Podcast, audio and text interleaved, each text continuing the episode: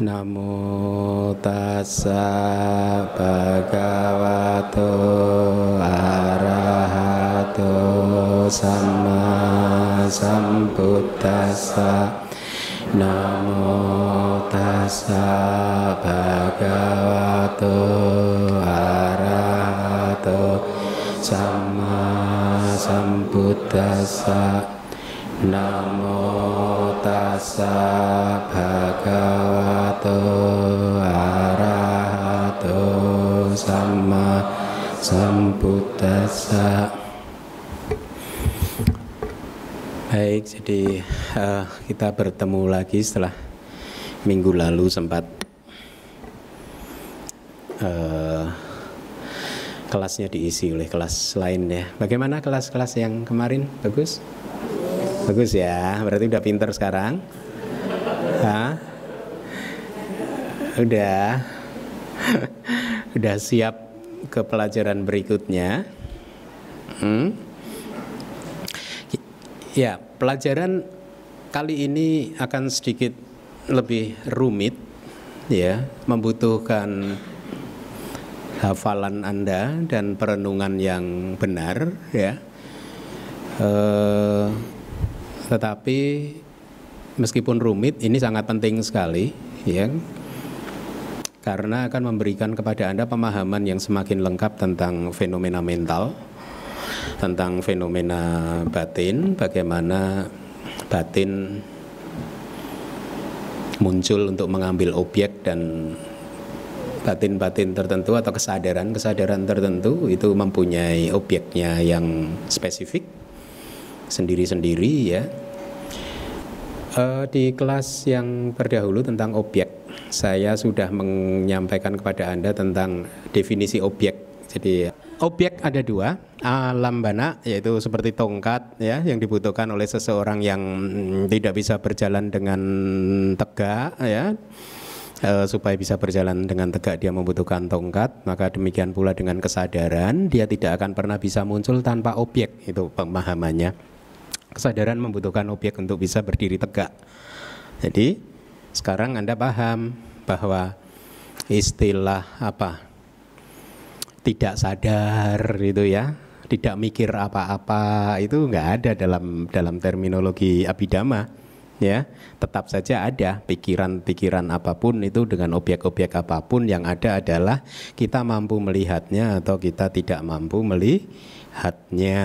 Sati kita kuat atau sati kita lemah ya Nah, eh, kata Pali yang kedua yang eh, kita terjemahkan sebagai objek adalah aram, mana aram mana arama itu seperti taman tempat orang bersenang-senang kalau zaman mungkin sampai sekarang masih ya taman dipakai oleh eh, orang untuk bersenang-senang ya untuk untuk melepaskan penat dan lain sebagainya.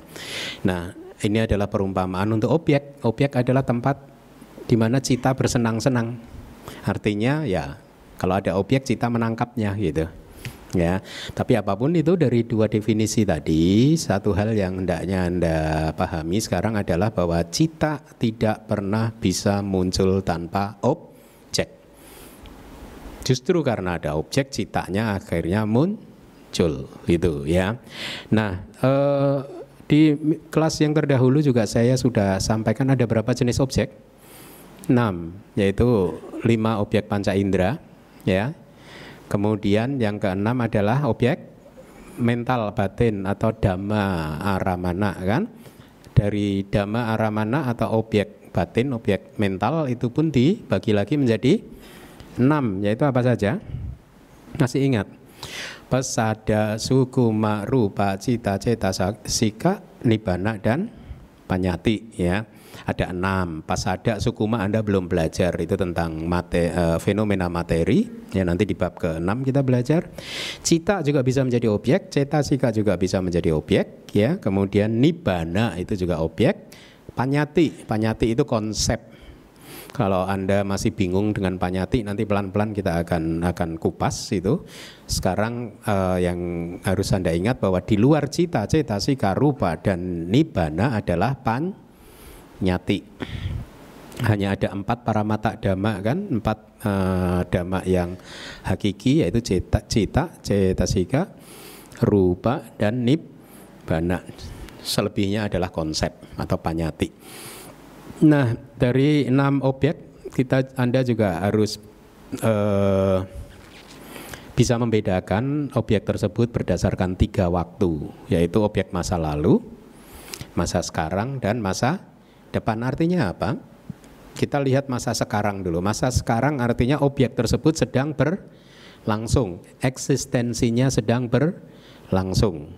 Kalau objek yang sudah berlangsung, artinya sudah lenyap, dia adalah objek masa lalu. Kalau objek yang eksistensinya belum muncul, belum berlangsung, dia adalah objek masa depan. Nah, itu definisinya objek dalam tiga waktu yaitu masa lalu, masa sekarang dan masa depan. Ada juga istilah kala wimuta, terbebas dari waktu. Artinya terbebas dari waktu itu apa?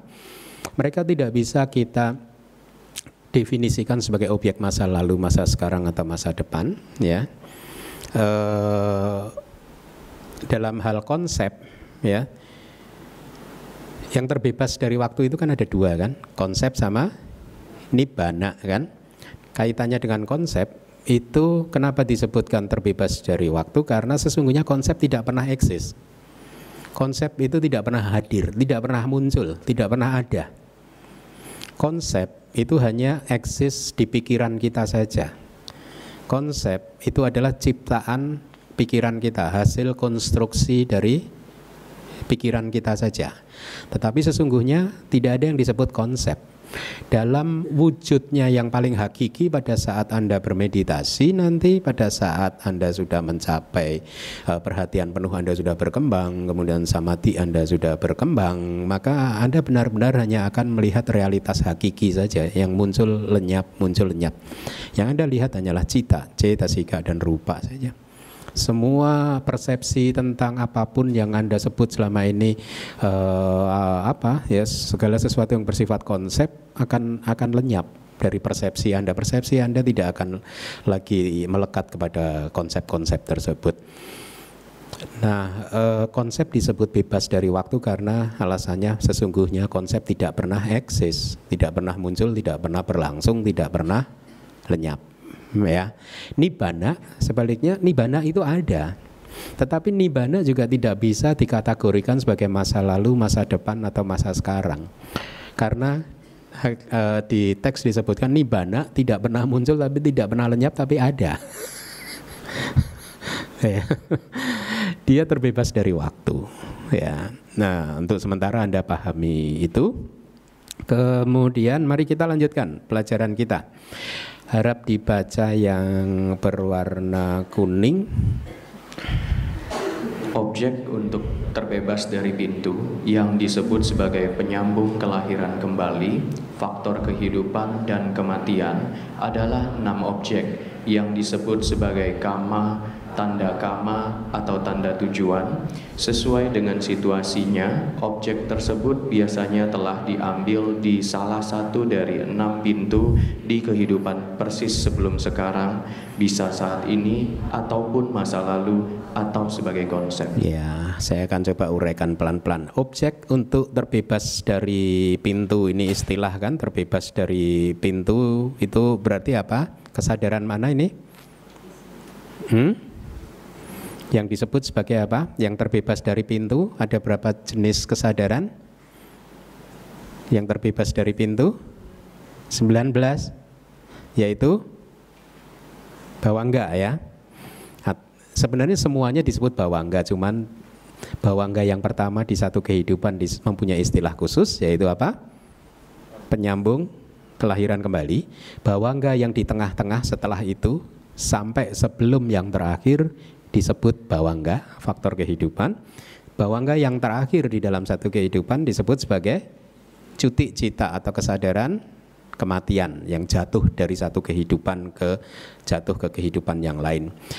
Jadi eh, objek untuk kesadaran yang terbebas dari pintu bawangga tadi adalah enam objek yang tadi yaitu lima objek panca indera dan juga objek dhamma atau objek mental yang juga ada enam kan ya uh, objek tersebut tadi mempunyai nama khusus.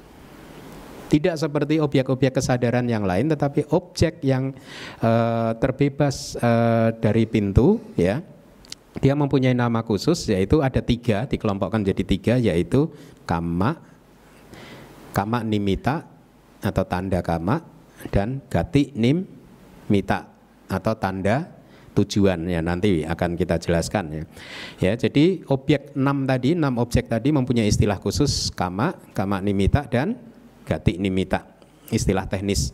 Sesuai dengan situasinya artinya nanti sesuai dengan situasinya itu munculnya di alam mana apakah alam uh, lingkup indrawi atau alam brahma materi halus atau brahma non materi dan lain sebagainya. Nah, nanti kita akan lihat juga.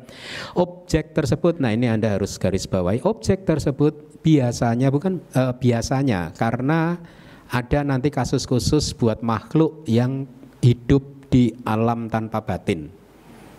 Itu dia tidak biasa akhirnya ya. Dia dia tidak masuk dalam kategori kalimat ini ya. Tapi selebihnya makhluk yang lain itu masuk dalam kategori kalimat yang ini bahwa objek tersebut biasanya telah diambil di salah satu dari enam pintu di kehidupan persis sebelum sekarang ya.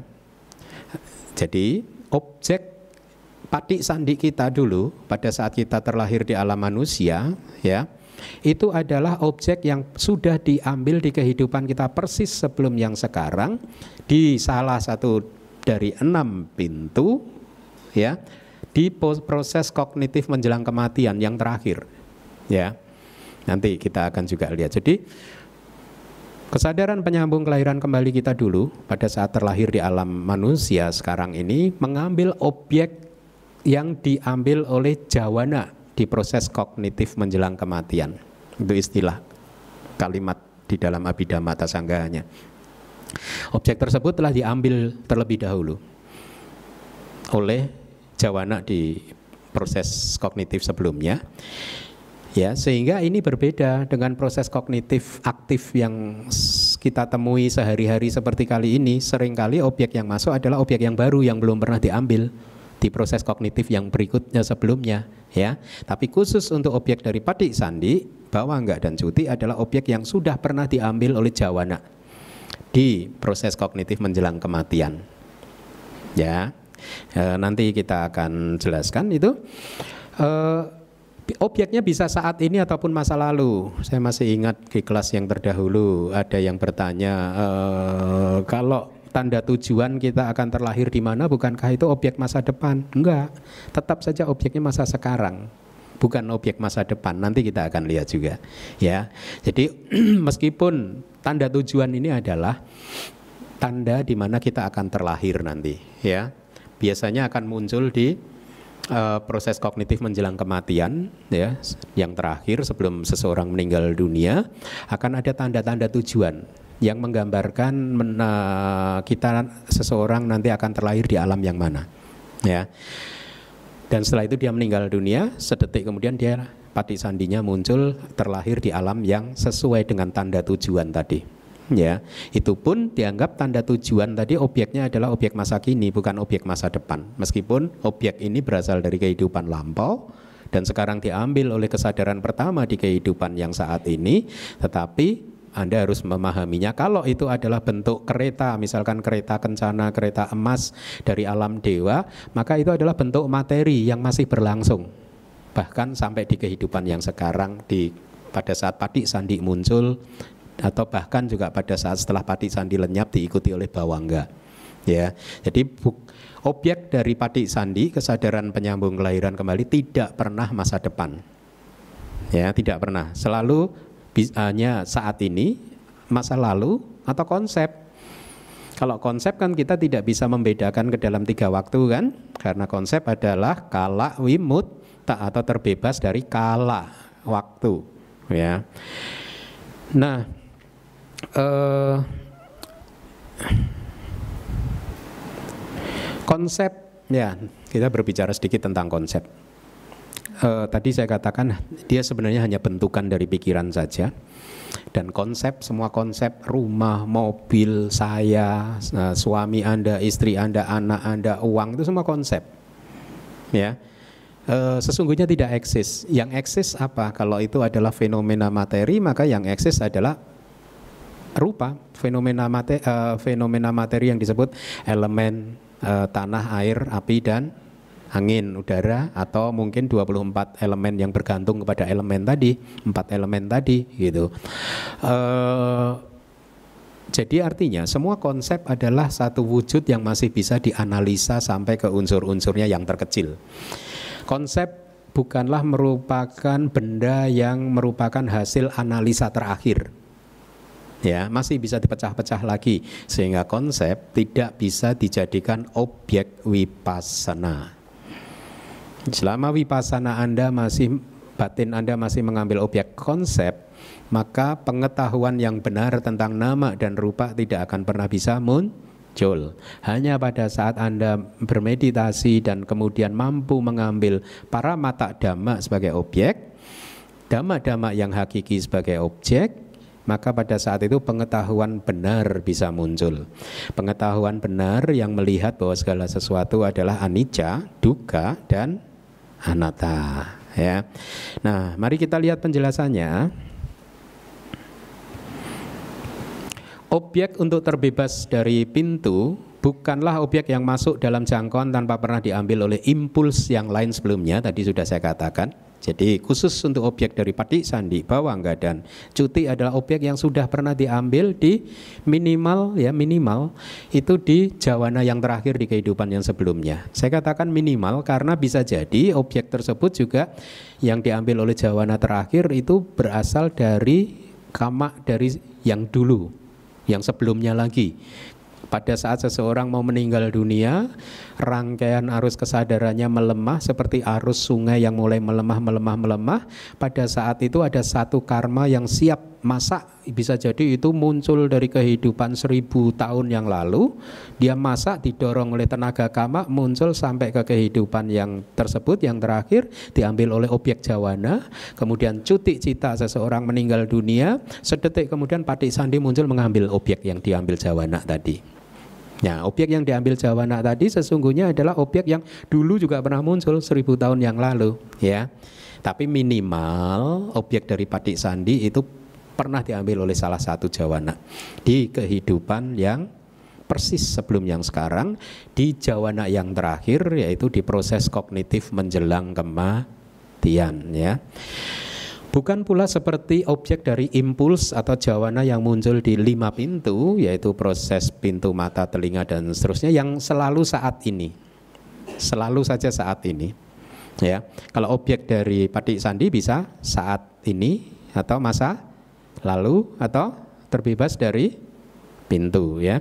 Bukan pula seperti objek impuls yang muncul di pintu batin yang hanya menjadi milik tiga waktu atau terbebas dari waktu tetapi ini agak kurang objek yang muncul di pintu batin itu bisa jadi adalah objek yang baru bukan objek yang pernah diambil oleh jawana yang terakhir eh, jawana yang eh, sebelumnya objek yang pernah diambil oleh kesadaran-kesadaran yang sebelumnya meskipun juga bisa dimungkinkan proses kognitif pintu batin juga bisa mengambil objek-objek tadi ya nah Uh,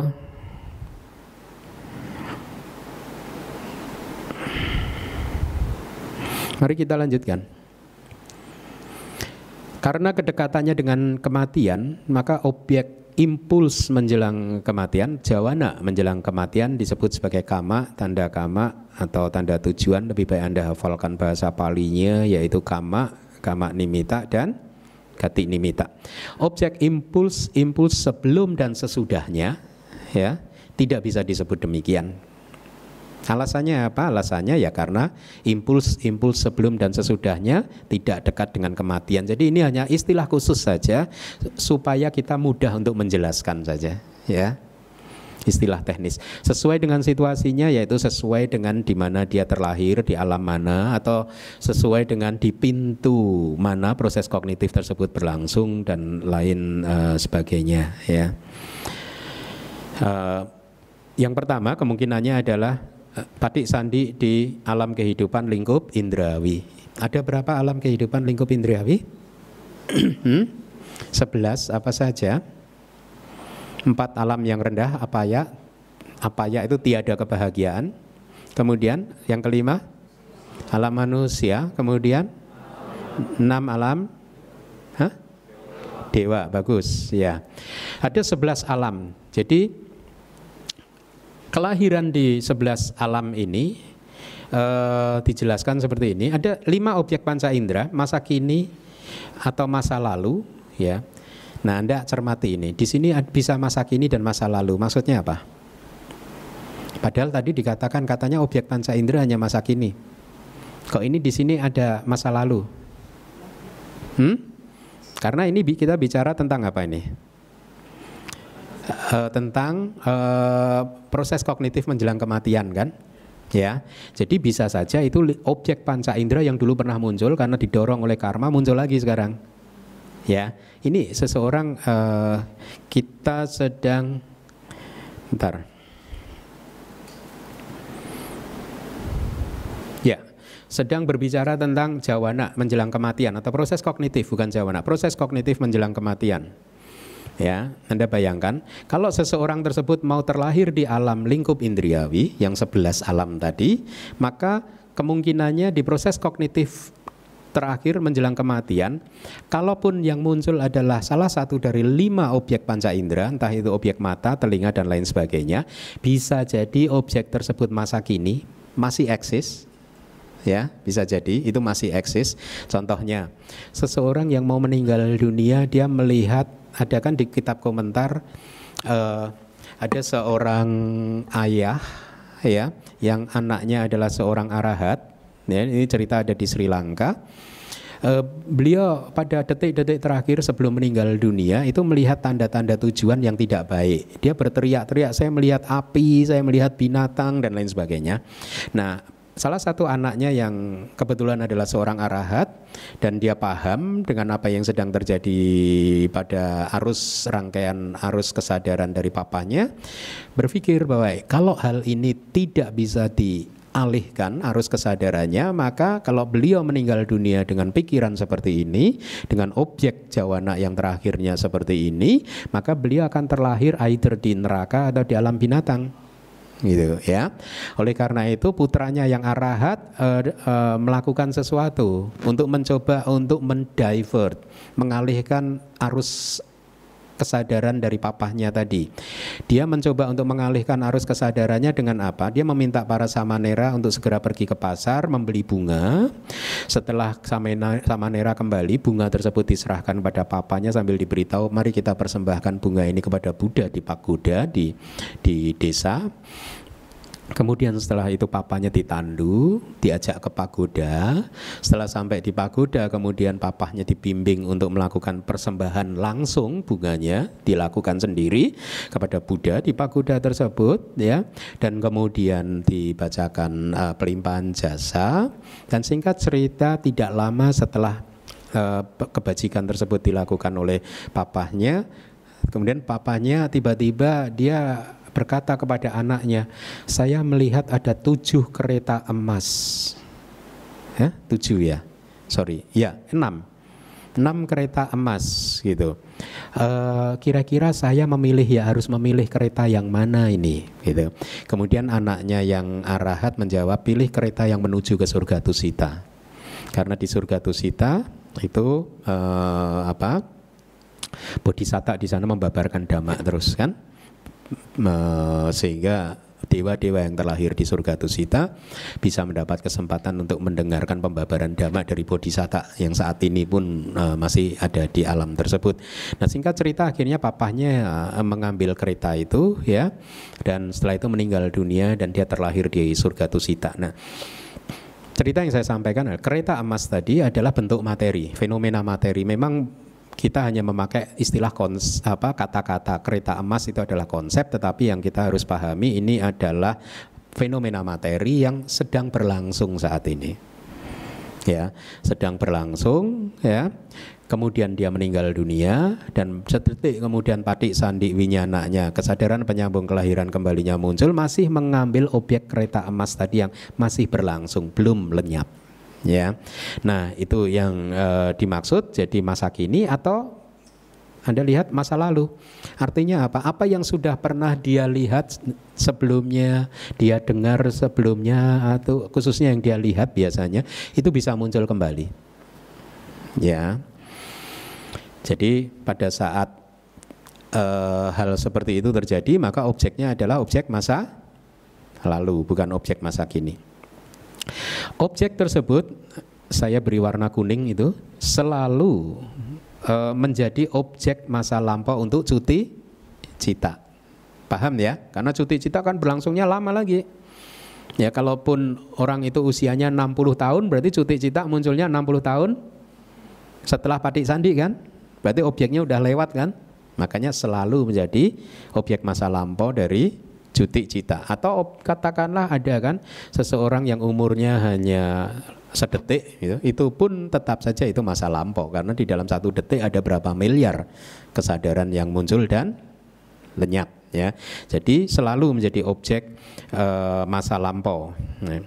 Nah, saya akan jelaskan. Tadi kita menda mendapatkan tiga istilah untuk objek dari apa proses kognitif menjelang kematian yaitu apa kama kama nimita dan gati nimita apa itu e, artinya? Kama artinya perbuatan yang pernah dilakukan.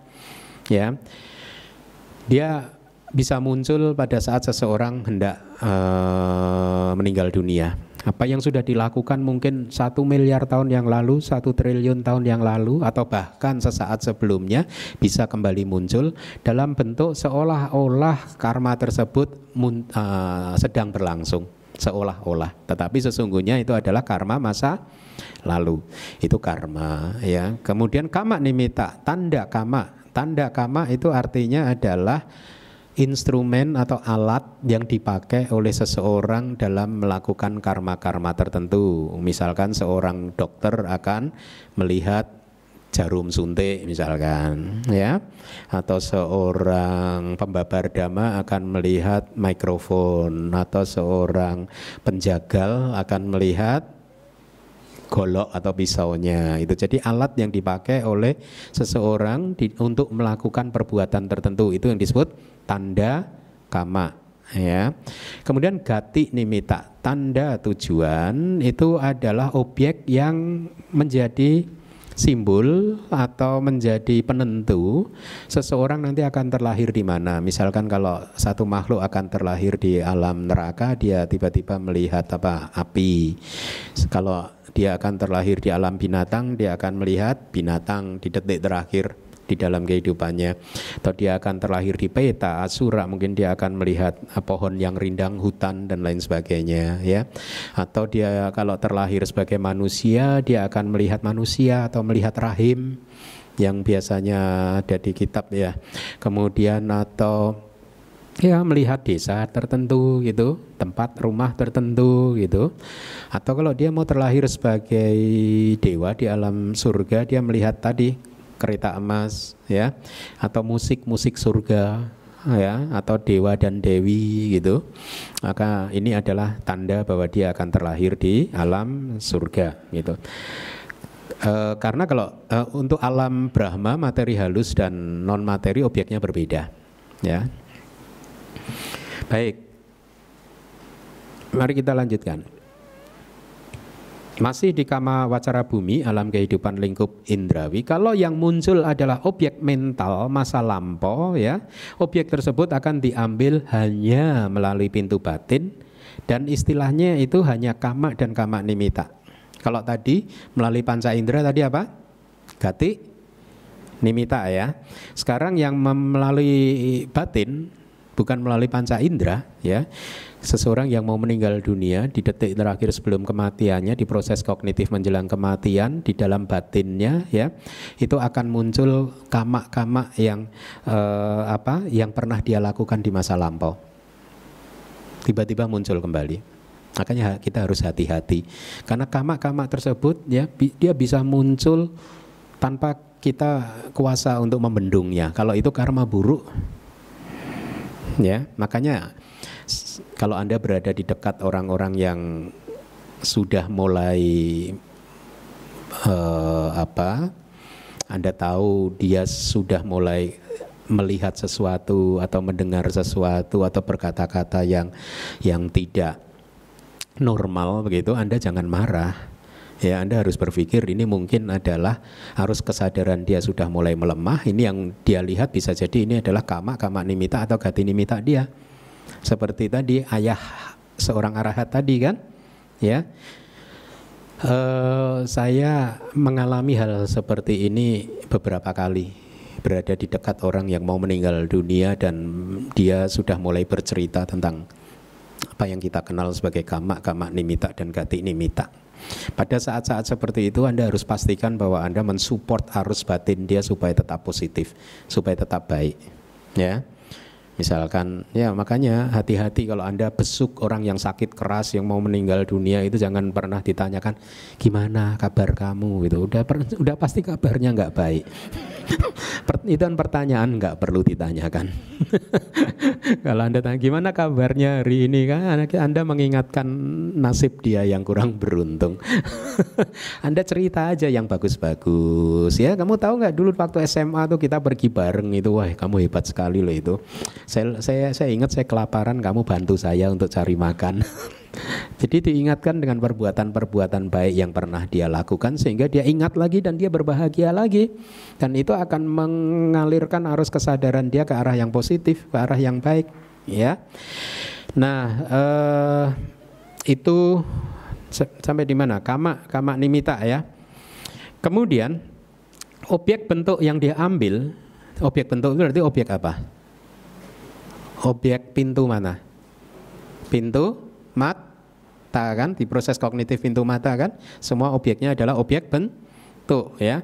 Diambil hanya yang diambil hanya melalui pintu batin dan selalu masa kini yo dikenal sebagai gati nimita.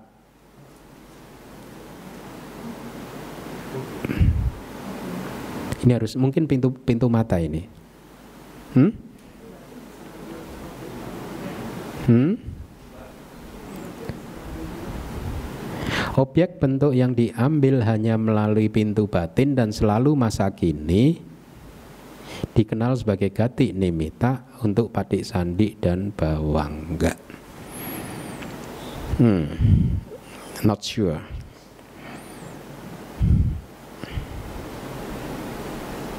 Hmm, saya cek ya. Cukup waktu nggak? Saya cek sebentar.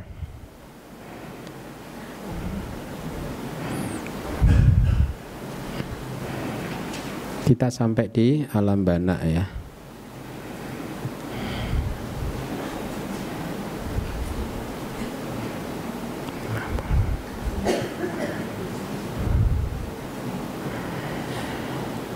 Dua rape katang dua rape katang cap bidampi aramanang hotiti sambando tang panane sang aramanang nawacana wiyake naci go jarak bawang gajati nak cak panca duari gawajawanang ya ekan tak pacu panang. Nabi mano duara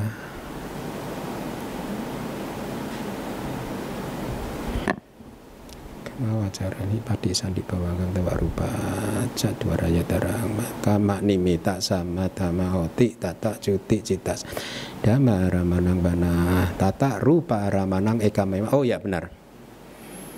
Tata rupa ramanang eka mewa mano raga hitang ekan tak pacu panang.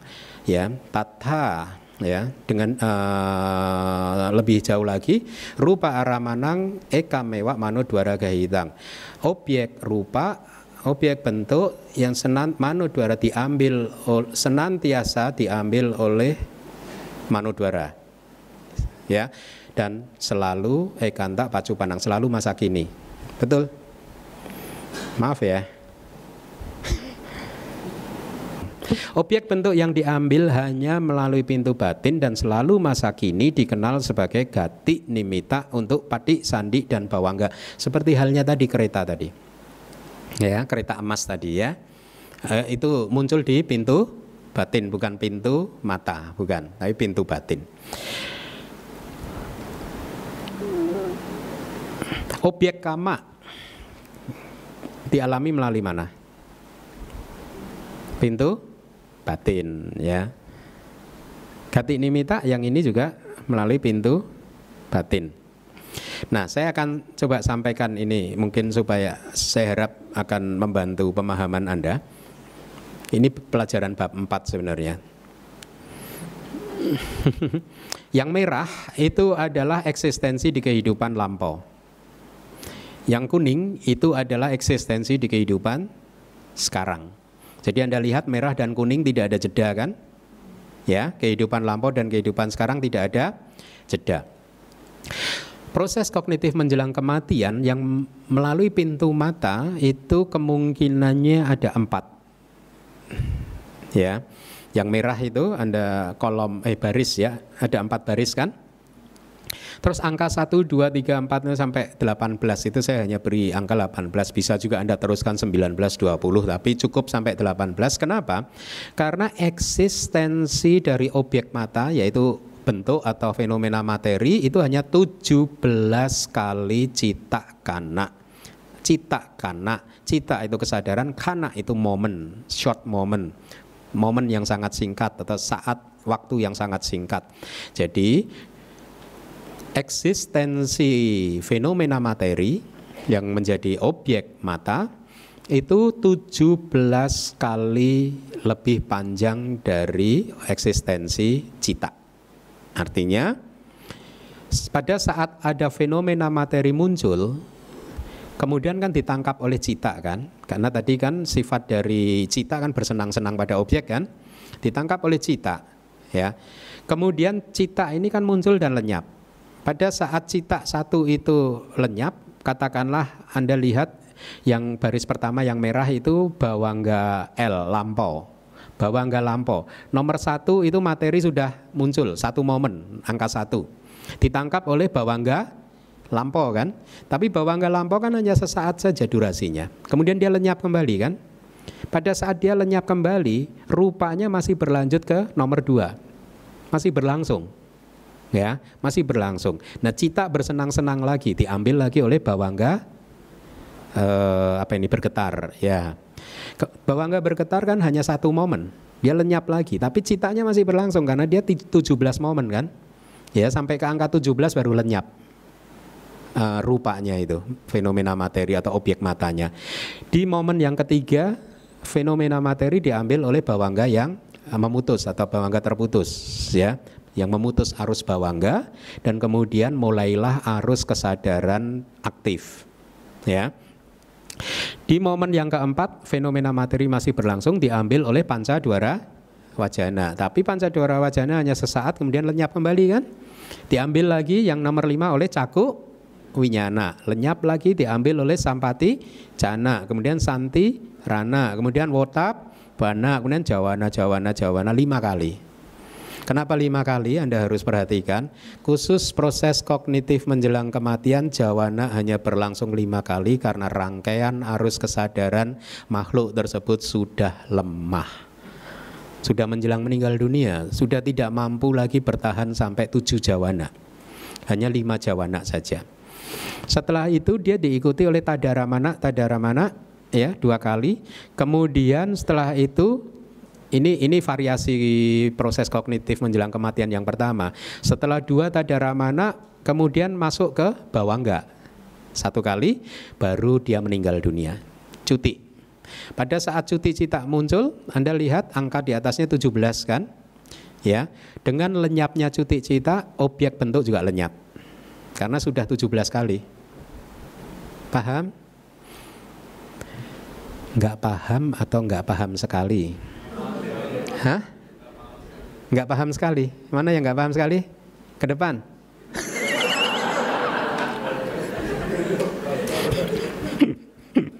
Dihukum. Kakinya diangkat satu. Nggak paham sekali. Nggak. Saya ulangin lagi. Saya itu kadang dulu waktu saya kuliah kok nggak ada dosen yang kayak saya ya, yang sabar gitu. saya ulangi lagi ya. Fenomena materi mempunyai durasi keberlangsungan berapa? 17 kali cita kana. 17 cita kana istilahnya. Cita itu kesadaran, kana itu momen. 17 momen kesadaran. Artinya dalam kemunculannya objek mata itu akan diambil oleh 17 cita yang berbeda. Paham ya? Di cita yang ke-17 pada saat cita yang ke-17 lenyap, objek tersebut juga lenyap. Ya, makanya di setelah cita tersebut lenyap angka 17 berarti itu tanda bahwa e, eksistensi dari objek bentuk sudah memasuki saat terakhir dia pun lenyap. Setelah itu yang ke-18 sebenarnya eksistensi objek bentuk tadi sudah nggak ada. Ya, tetapi kan patik sandinya muncul itu di angka ke-18. Artinya sudah kuning tuh, udah kehidupan sekarang. Ya. Objek dari patik sandi apa? Objek pati sandi adalah objek yang diambil oleh lima jawana tadi, jawana yang nomor 9, 10, 11, 12, 13. Objek tersebut saat ini atau saat lalu? Masa lampau kan? Paham ya? Kita lanjutkan lagi. Eh, kemungkinan yang kedua, proses kognitif menjelang kematian yang kedua itu sedikit berbeda. Karena Anda lihat di nomor 15, pada saat tadara mana yang kedua, tadara mana kalau dia muncul, dia hanya muncul dua dia harus kalau muncul harus muncul dua, nggak bisa satu, nggak bisa tiga, harus dua kali. Ya, pada saat nomor 15 tadara mana muncul, nomor 16-nya tidak bawa enggak. Ya, langsung dia meninggal dunia tanpa masuk ke bawah enggak dulu, langsung dia meninggal dunia, cuti, dan setelah itu patik sandi. Anda lihat cuti dan patik sandi tidak ada jeda. Jadi kelahiran kita yang lalu dan kelahiran kita yang sekarang tidak ada jedanya juga.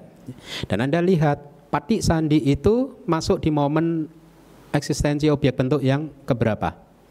17. Berarti patik sandi di kelahiran yang baru yang kuning ini mengambil objek masa lalu atau masa kini? Masa kini. Betul. Variasi yang ketiga Anda lihat itu setelah Jawana yang nomor 13 Jawana, nomor 14-nya tidak muncul tadara mana, langsung masuk ke Bawangga. Setelah Bawangga cuti cita meninggal dunia. Setelah itu Padik Sandi dan objek bentuk baru lenyap bersamaan dengan lenyapnya Bawangga setelah Padik Sandi tadi. Ya. Demikian juga, dengan variasi atau kemungkinan yang keempat, proses kognitif yang keempat. Anda lihat objek bentuk lenyap bersamaan dengan bawangga yang kedua setelah patik sandi. Paham ya?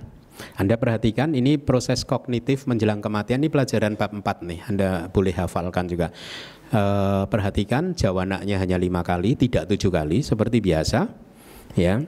Kemudian karena ini adalah proses kognitif menjelang kematian berarti ada di pintu mata berarti objeknya adalah objek bentuk maka ini kama kama nimita atau gati nimita?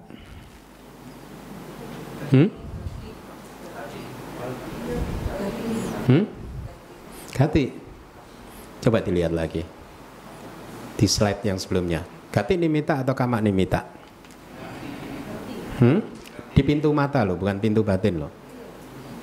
Hmm? Hmm. Pintu batin. Kalau pintu mata? Oke. Kak, kamanimita?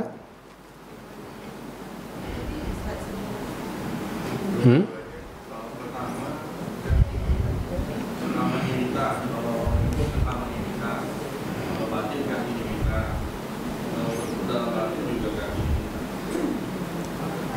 Itu lihat tuh di slide nomor 5 Lima objek panca indera masa kini atau masa lalu yang telah diambil melalui salah satu dari enam pintu sebagai objek untuk pati sandi dan bawangnya dikenal sebagai kama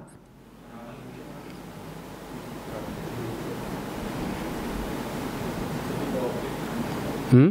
Kalau di pintu batin bisa kama, bisa kama nimita kan? Kalau objek bentuk di pintu batin dia gati nimita. Ini kan objek bentuk di pintu mata. bukan objek bentuk di ob, bukan objek bentuk di pintu batin. Bisa. Enggak, bisa di pintu mata tapi dia berubah kama nimita. Lihat di slide kelima coba. Ini nih.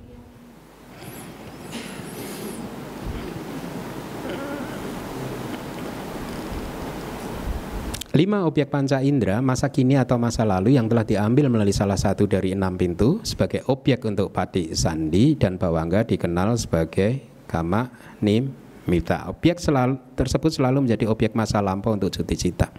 Kalau yang pintu batin ini, yang berikutnya pintu batin. Objek mental masa lampau yang diambil hanya melalui pintu batin dikenal sebagai kama atau kama nimita. Objek bentuk yang diambil hanya melalui pintu batin dan selalu masa kini dikenal sebagai gati nimita. Kalau melalui pintu mata, kama nim mita, tanda dari karma. Nggak apa-apa, pelan-pelan. Nanti di bab keempat Anda akan dipoles lagi pemahamannya. Uh, proses kognitif pintu mata uh, menjelang kematian di pintu mata sudah saya sampaikan. Sekarang kita lihat proses kognitif menjelang kematian di pintu batin. Nah ini agak berbeda. Ada empat variasi, empat kemungkinannya. Ya.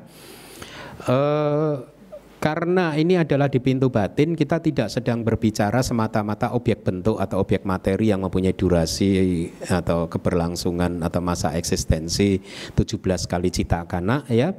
Karena objek ini bisa cita, bisa cetasika kan begitu ya. Bisa juga konsep ya. E, maka kita sedang tidak berbicara tentang 17 kali cita kana ya, tapi yang ingin saya sampaikan kemungkinan yang nomor satu uh, pada saat objek tersebut uh, muncul, entah itu cita atau cetasika muncul, ya, uh, anda lihat itu bawangganya dua kali, tidak ada bawangga masa lalu, tetapi langsung bawangga bergetar dan bawangga terputus. Yang nomor dua, kemudian mano dua wajana atau yang mengarahkan ke pintu batin. Kemudian langsung diikuti jawana lima kali, tadaramana dua kali, bawangga, cuti dan pati sandi. Ya, yang kedua setelah tadaramana tidak ada bawangga, langsung cuti cita.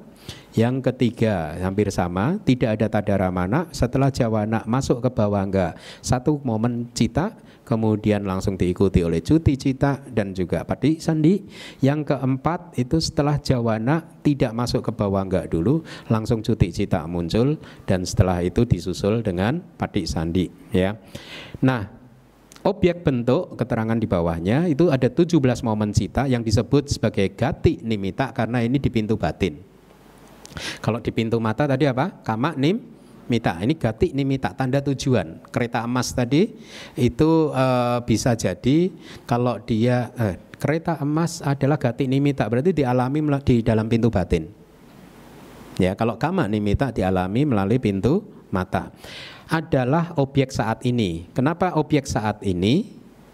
Kenapa objek saat ini? Karena lihat, bahkan pada saat cuti cita lenyap yang terlama pun hanya 12 momen kan?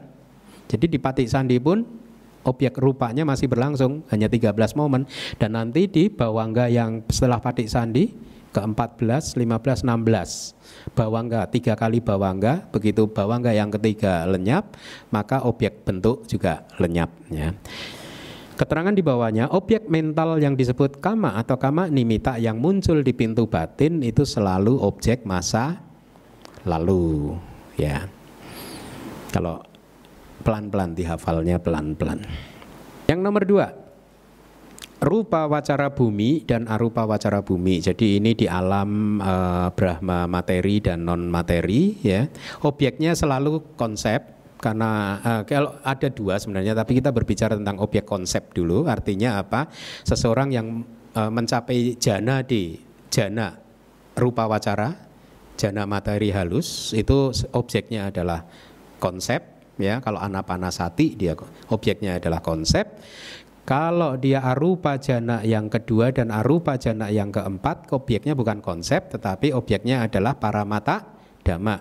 Objeknya adalah arupa cita yang pertama dan arupa cita yang ketiga ya. Jadi kita ini sedang berbicara tentang jana yang mengambil objek konsep yang telah diambil melalui pintu batin. Ini jelas ya. Anda mengalami jana itu melalui pintu batin, bukan melalui pintu panca indera, ya.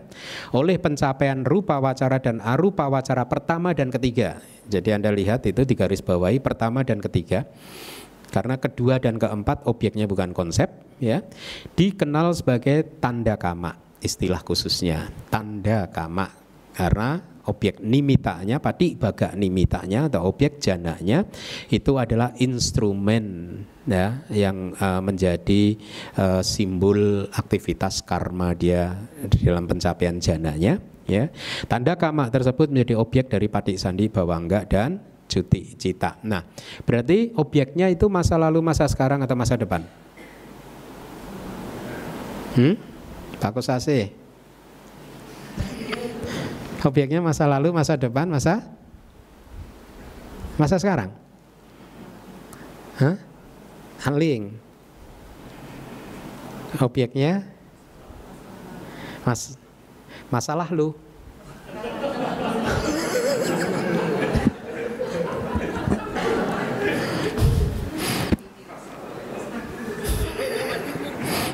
Hmm? Konsep. Konsep itu apa? Hah? kala wim muta kan objeknya konsep bebas waktu dia bu, tidak bisa disebut masa lalu masa sekarang ataupun masa depan konsep objek dari jana Anapanasati Anda nanti kalau Anda masuk jana itu konsep. Oleh karena itu pati baga nimitanya tidak di, bisa dijadikan sebagai objek wipasana Anda. Pati baga nimita tidak akan pernah bisa memunculkan kebijaksanaan tentang pemahaman tentang anicca duga dan anatta. Ya. Nah, itu kita berbicara tentang konsep yang merupakan objek jana, tetapi di dalam arupa jana yang kedua dan keempat objeknya bukan konsep. Objeknya adalah cita dari arupa satu dan untuk arupa jana kedua objeknya adalah arupa jana cita yang pertama Arupa jana ketiga objeknya adalah arupa jana cita yang sorry keempat. Hmm. Arupa jana yang keempat objeknya adalah arupa jana cita yang ketiga. Pertanyaan saya, objeknya tadi arupa jana satu atau arupa jana tiga itu masa lalu, masa depan, masa uh, kini atau masa gitu?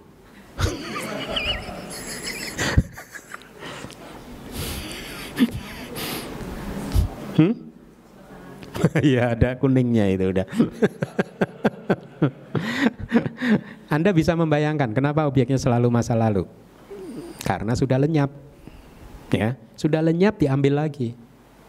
Ya, tapi sebenarnya lenyap dia udah. Sudah lenyap, sudah nggak eksis lagi. Kan di dalam satu momen hanya ada satu cita. Hmm? Paham tidak? kecuali Anda nanti mengu menguasai jana dan kemudian Anda mengembangkan kesaktian tertentu untuk membaca pikiran orang lain, maka Anda bisa melakukan cita Anda mengambil cita orang lain. Inilah mengapa hati-hati di dalam dunia ini. Kan ada kan di, di buku saya di buku kesadaran mungkin ya. Kita harus punya ah, di buku cetasika ini kita harus punya rasa malu takut untuk berbuat jahat. Kenapa? Karena di dunia ini selalu saja ada orang yang bisa membaca pikiran kita.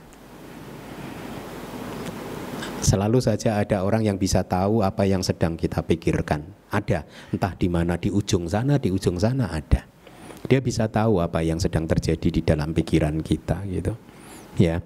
Nah e, buat orang yang mempunyai kesaktian seperti itu dia bisa membaca pikiran orang lain. Bukan membaca sebenarnya dia mengambil apa yang sedang muncul di bat, arus batin anda dia ambil dia tangkap dan dia ketahui. I, itu itu yang secara awam dikenal sebagai membaca pikiran orang lain. Para cita wijanana mengetahui cita orang lain. Menarik ya itu dia bida tapi kita tidak bermeditasi untuk mencapai hal seperti itu kan ya Nah, jadi eh, pada saat itu cita mengambil objek cita yang lain. Ya, tetapi kalau cita Anda mengambil objek cita Anda juga, maka objek cita tersebut adalah cita masa tidak bisa masa sekarang karena dua cita tidak bisa muncul bersamaan ya. Nah, selalu masa lalu untuk Pati Sandi Bawangga dan Cita. nah, ini uh, ini juga menarik saya harus sampaikan kepada Anda. Untuk makhluk yang telah jatuh dari alam kehidupan tanpa batin, aksanyi bahwa jadi ada alam kehidupan di mana makhluk yang terlahir di sana itu adalah makhluk yang hanya mempunyai tubuh jasmani saja. Arus kesadaran tidak eksis di alam tersebut, yang ada hanya materi saja, ya. Kenapa bisa seperti itu? Bisa karena orang tersebut sebelumnya bermeditasi dengan mengembangkan e, rasa tidak tertarik kepada uh, sanya wiraga bawana ketidaktertarikan terhadap sanya. Persepsi. Tetapi harus dipahami bukan hanya persepsi saja. Ini maknanya adalah ketidaktertarikan kepada cita dan cetasika kenapa bisa seperti itu? Karena jauh di lubuk hatinya yang terdalam dia berpendapat bahwa penderitaan ini disebut uh, disebabkan oleh cita. Kalau tidak ada cita maka tidak ada penderitaan penderitaan. Kalau tidak ada persepsi maka tidak ada penderitaan. Akhirnya dia mengembangkan meditasi secara spesifik yang disebut sanya wiraga bhavana atau meditasi e, mengembangkan rasa tidak tertarik terhadap persepsi, terhadap batin dan lain sebagainya. Dan kemudian dia mencapai jana. Ya, dengan meditasi tersebut bisa dipertahankan sampai ke jawana yang terakhir sampai di proses kognitif menjelang kematian dia masih mengambil objek jana tersebut sehingga setelah cuti cita muncul patik sandinya muncul di alam uh, tadi tanpa batin dia terlahir di sana sebagai makhluk yang hanya mempunyai tubuh jasmani. Dikatakan makhluk-makhluk tersebut seperti uh, patung berwarna keemasan karena sebagai efek dari pencapaian jananya ya sama sekali tidak bergerak selama dia hidup di sana arus batinnya tidak muncul seperti tertahan tertinggal di alam terakhirnya seolah-olah seolah-olah saja tidak muncul di alam sana. Nah, buat makhluk-makhluk seperti ini, pada saat dia meninggal dunia dari alam tersebut, maka patik sandi yang berikutnya yang muncul tidak mengambil objek dari jawana yang sebelumnya kan?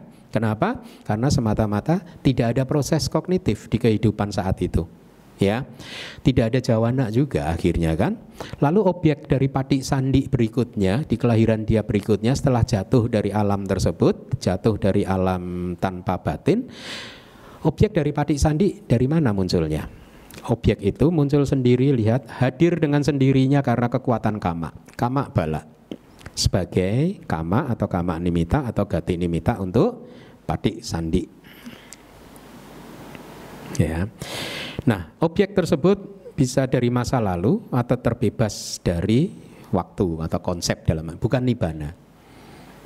Ya, tidak bisa objek nibana kan? Dia belum tercerahkan kok. Ya, uh, saya rasa kita cukupkan sampai di sini dulu. Kita lanjutkan minggu depan dan kita masuk ke tanya jawab.